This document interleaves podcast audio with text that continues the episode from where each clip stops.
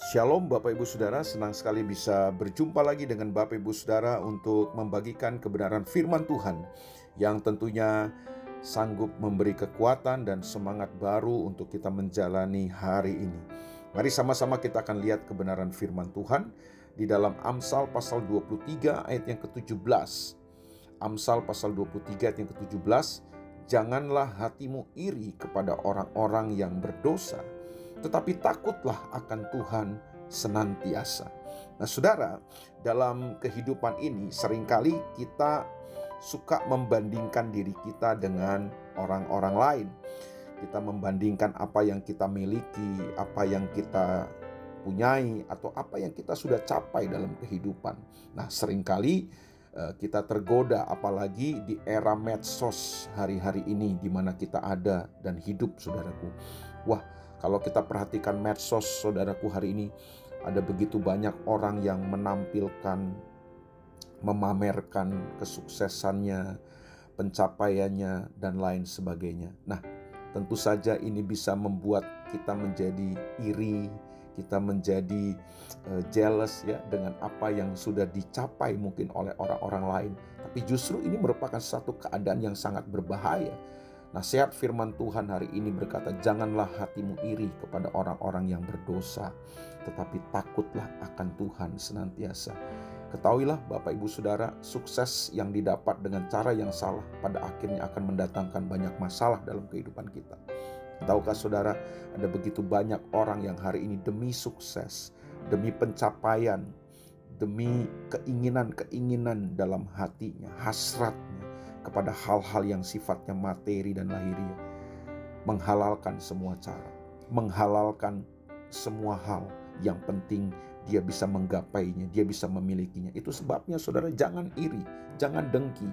Karena kita melihat banyak orang-orang di luar sana mungkin yang bisa memakai ini, bisa menggunakan ini, bisa memiliki ini dengan menghalalkan semua cara.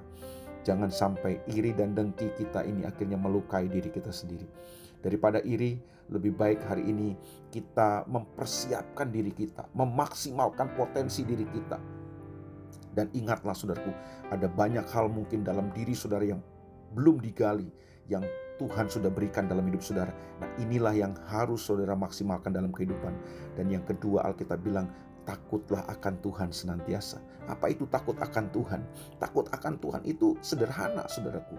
Kita bisa menahan, kita bisa mengendalikan keinginan-keinginan dan hasrat-hasrat hati kita, hasrat-hasrat duniawi kita yang bergejolak dalam diri kita, supaya kemudian kehendak Tuhanlah, keinginan Tuhanlah yang terlaksana, keinginan dan kehendak Tuhanlah yang terjadi, yang terwujud dan yang kita kerjakan dalam kehidupan kita. Nah, itulah takut akan Tuhan, saudaraku.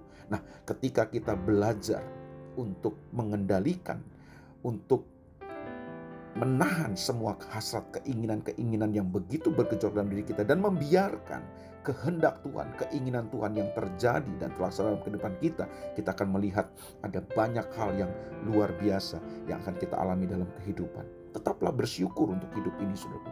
Jangan pernah iri dengan apa yang orang lain miliki. Tetaplah takut akan Tuhan. Percayalah, saudaraku, berkat dari Tuhan sudah dia siapkan dan sediakan buat kita.